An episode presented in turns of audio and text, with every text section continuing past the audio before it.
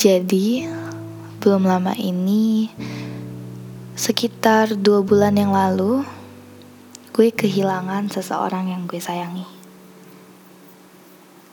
Well, bukannya menghilang atau dipanggil oleh Yang Maha Kuasa, tapi kehadirannya yang hilang. Hai, gimana kabar kalian hari ini? Salah, salah, salah. Harusnya gue tanyanya gimana kabar kalian selama seminggu ini? Beratkah? Atau malah ini adalah minggu terdebesnya kalian? It's okay. You did a very good job. Dan apa pun jawaban lo itu, gue lega.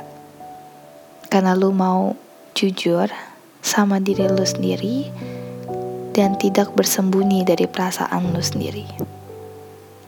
Yuk, malam ini mari kita istirahat sebentar aja dan merefleksikan diri kita dengan mendengarkan diri kita sendiri.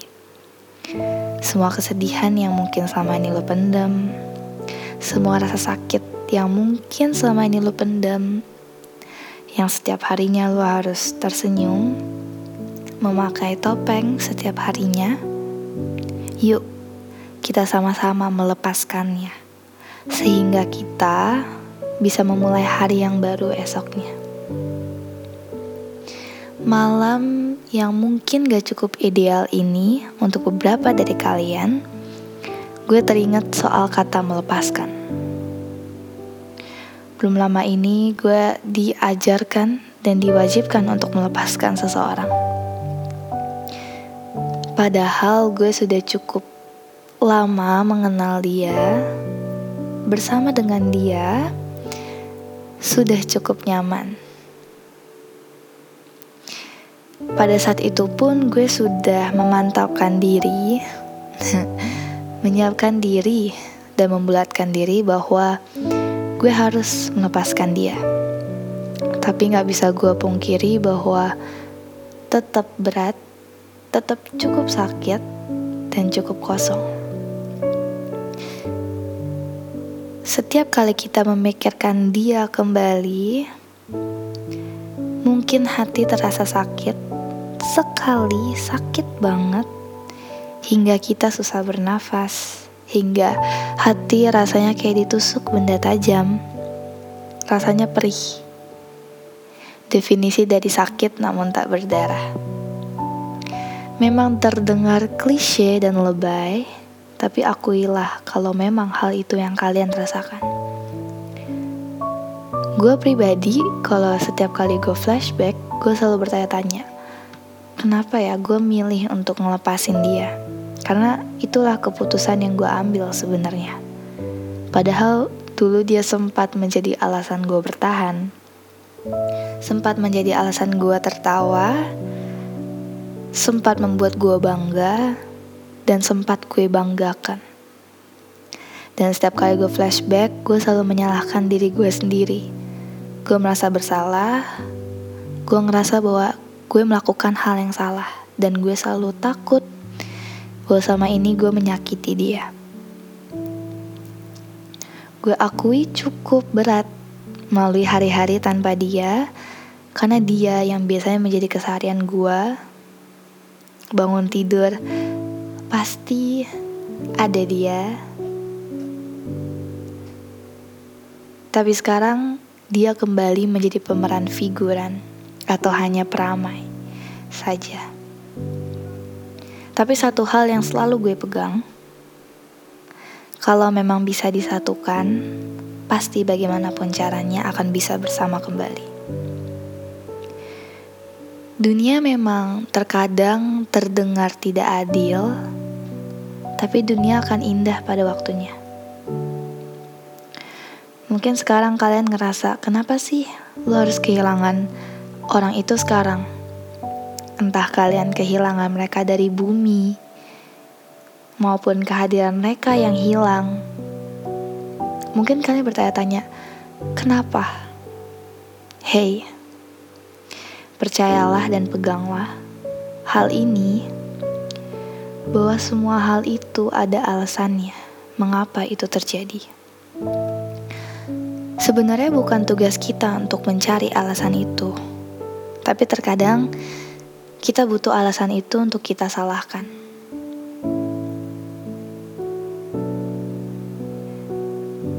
Seperti yang terjadi di gua, bahwa gua harus berpisah dengan dia karena kita nggak match, nggak serak. Alasan yang sempat gue salahkan. Di sini gue bukannya menyuruh kalian untuk menyalahkan alasan itu ya. Gue mau bilang bahwa dengan mengetahui alasan itu sebenarnya bisa menjadi satu tahapan kalian untuk belajar melepaskan. Tangisi dan salahkan alasan itu nggak apa-apa. Tapi berjanjilah bahwa kalian nantinya kamu akan bisa menerima alasan itu dan melepaskannya secara sepenuhnya gue teringat sama satu hal ini yang entah gue dengar dari mana. Kutipan ini berkata, hal yang kamu lepaskan itu tidak melemahkan kamu, tapi menguatkan kamu. Jadi mungkin hal-hal yang pada saat ini lu harus lepaskan itu memang sudah direncanakan untuk terjadi yang gunanya untuk menguatkan kamu. Jadi jangan takut untuk melepaskan dan dengan kehilangan dia atau hal itu tidak mengurangi apa pun dalam hidup kamu. Kamu masih berharga, kamu masih layak mendapatkan cinta, dan kamu masih manusia. Oh iya, sebagai note, belajar melepaskan bukan hanya perihal orang saja. Si dia itu bisa aja profesi yang kamu suka banget, hobi kamu, atau mungkin keluarga kamu, atau hal yang paling kamu treasure banget. Belajar melepaskan itu luas banget, karena seiring kita berjalan akan ada hal yang harus kita ambil, lewati, dan melepaskannya. Pada saat kamu harus kehilangan hal itu atau orang itu, jangan pernah, jangan pernah berpikir untuk menggantikan posisinya. Karena itu bukan yang melepaskan tapi menggantikan. Percayalah, kalau si pengganti ini tidak sepadan dengan yang dulu, akan jauh lebih sakit dan sulit untuk melepaskan yang dulu. Maksud gue adalah lepaskan dulu sampai tuntas, sampai total. Kalau kau ingin mencari penggantinya, gak apa-apa. Tapi lepaskan dulu, baru mencari pengganti. Buang dulu, baru kau gantikan. Satu tips untuk kalian bisa menerima kenyataan untuk melepaskan adalah lihatlah ke depan. Percayalah, kalau memang ditakdirkan untuk kembali bersama, bagaimanapun caranya pasti akan bersama. Jadi lihatlah ke depan, banyak hal yang menantimu, banyak orang yang mencintaimu, jangan terus-menerus lihat ke belakang. Karena masa lalu itu ada bukan untuk kau tonton ulang, bukan untuk kau jadikan identitas, atau sebagai kesedihanmu terus-menerus, tapi sebagai pelajaran untuk masa depanmu. Sehingga di suatu titik nanti kamu akan berterima kasih kepada masa lalumu dan berani berkata bahwa gue kuat dan bisa sampai sini karena masa lalu gue membentuk gue. Jadi jangan pernah putus asa. Melepaskan itu sangat luas, entah mungkin kalian sedang cedera gak bisa melakukan hal-hal yang kamu inginkan. Jadi kamu mungkin untuk sesaat harus melepaskan hal itu. Itu pun termasuk melepaskan. Proses. Pelan-pelan pasti bisa. Sekarang giliran lo. Hal apa sih yang lagi lo pengen lepas sekarang? Apakah perihal melepaskan ini bisa menjawab hal yang sedang lo lalui? Semoga iya ya. Dan lu perlu banget wajib kudu tahu bahwa gue di sini akan selalu menanti.